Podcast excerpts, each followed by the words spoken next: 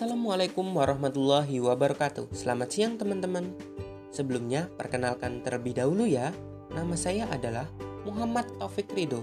NIM 1940 1241 004. Saya dari program studi Pendidikan Pancasila dan Kewarganegaraan, Fakultas Ilmu Sosial Universitas Negeri Yogyakarta. Kali ini saya akan membahas asas-asas hukum Islam dalam mata kuliah hukum Islam.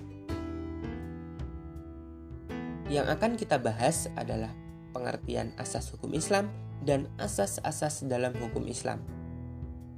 Teman-teman, langsung saja ya, pengertian asas hukum Islam. Secara umum, dalam hukum, asas diartikan sebagai kebenaran yang digunakan sebagai tumpuan berpikir dan alasan berpendapat, khususnya dalam penegakan dan pelaksanaan hukum.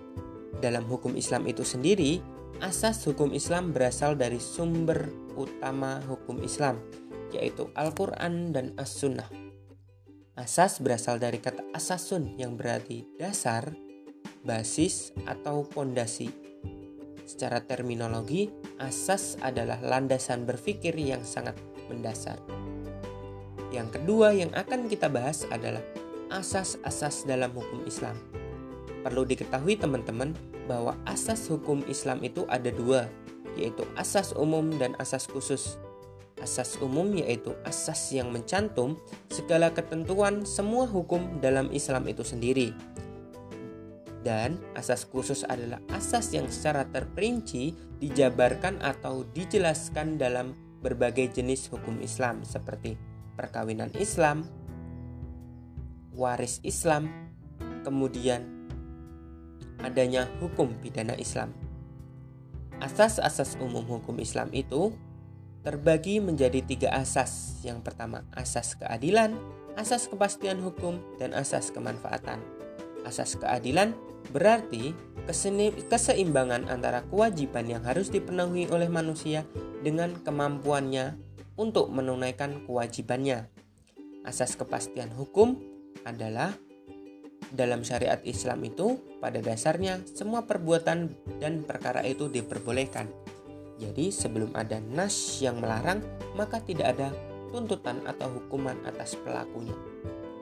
Hal ini diatur dalam Quran Surat Al-Isra ayat 15. Yang ketiga, asas kemanfaatan.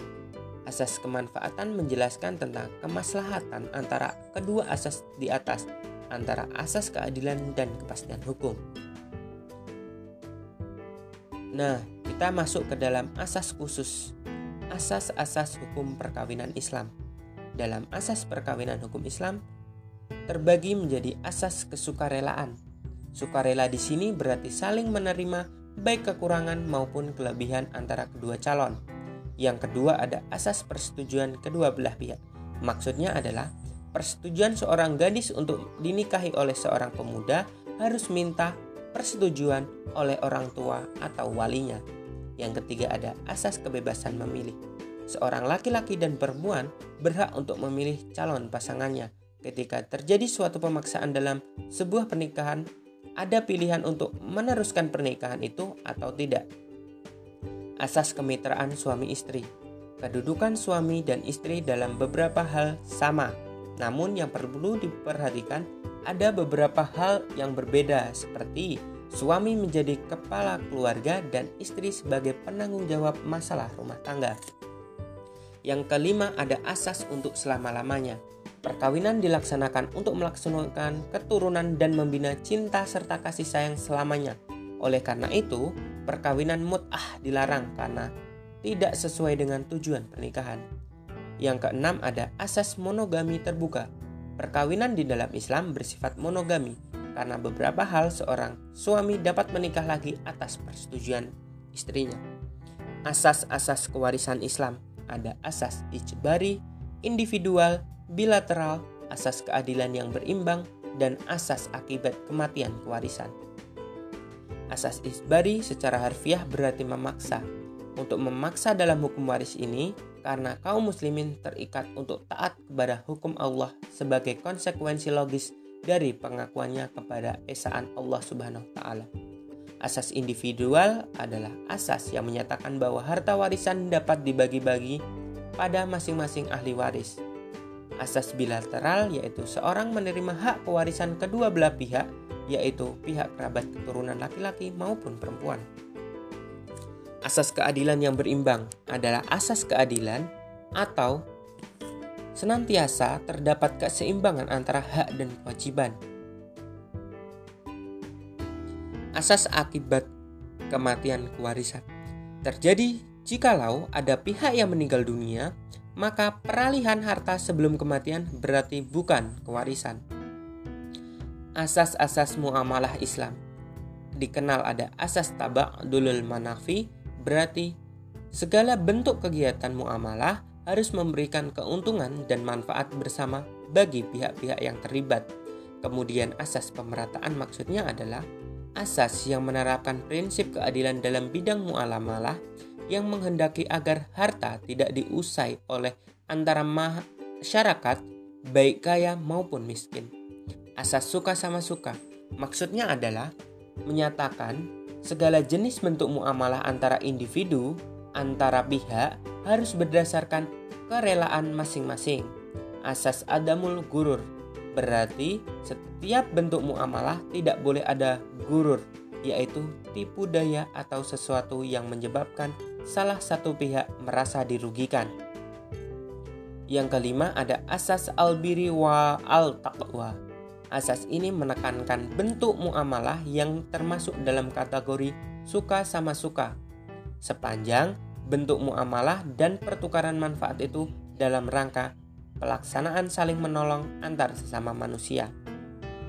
Kemudian ada asas musyarakah, yaitu kerjasama antara pihak yang saling menguntungkan bukan saja bagi pihak yang terlibat, melainkan juga bagi keseluruhan masyarakat manusia. Yang kelima ada asas hukum pidana Islam, dikenal ada asas legalitas. Asas tidak berlaku surut, dan asas yang bersifat pribadi. Asas legalitas maksudnya tidak ada hukum bagi tindakan manusia sebelum ada aturan. Asas legalitas ini mengenal juga asas teritorial dan non-teritorial. Teritorial menyatakan bahwa hukum pidana Islam hanya berlaku di, di wilayah hukum Islam yang diberlakukan. Kemudian, asas tidak berlaku surut maksudnya adalah tidak menganut sistem yang berlaku surut sebelum adanya nas yang melarang perbuatan. Maka tindakan dari hukuman itu dapat dijatuhi. Dasar hukuman itu dalam tidak berlaku surut secara jelas dan terperinci diatur dalam Quran Surat Al-Anfal ayat 38. Yang ketiga bersifat pribadi. Dalam syariah Islam, hukuman dapat dijatuhkan hanya kepada orang yang melakukan perbuatan jinayah dan orang lain ataupun kerabatnya tidak dapat menggantikan hukuman pelaku jinayah. Al-Quran telah menjelaskan secara terperinci dan jelas dalam Quran Surat Al-An'am ayat 164. Nah, teman-teman, sekian ya penjelasan dari saya tentang pengertian asas hukum Islam dan jenis-jenis asas hukum Islam. Teman-teman, jika tidak paham atas materi yang disampaikan, saya mohon maaf yang sebesar-besarnya. Saya akhiri, wassalamualaikum warahmatullahi wabarakatuh. Selamat siang teman-teman.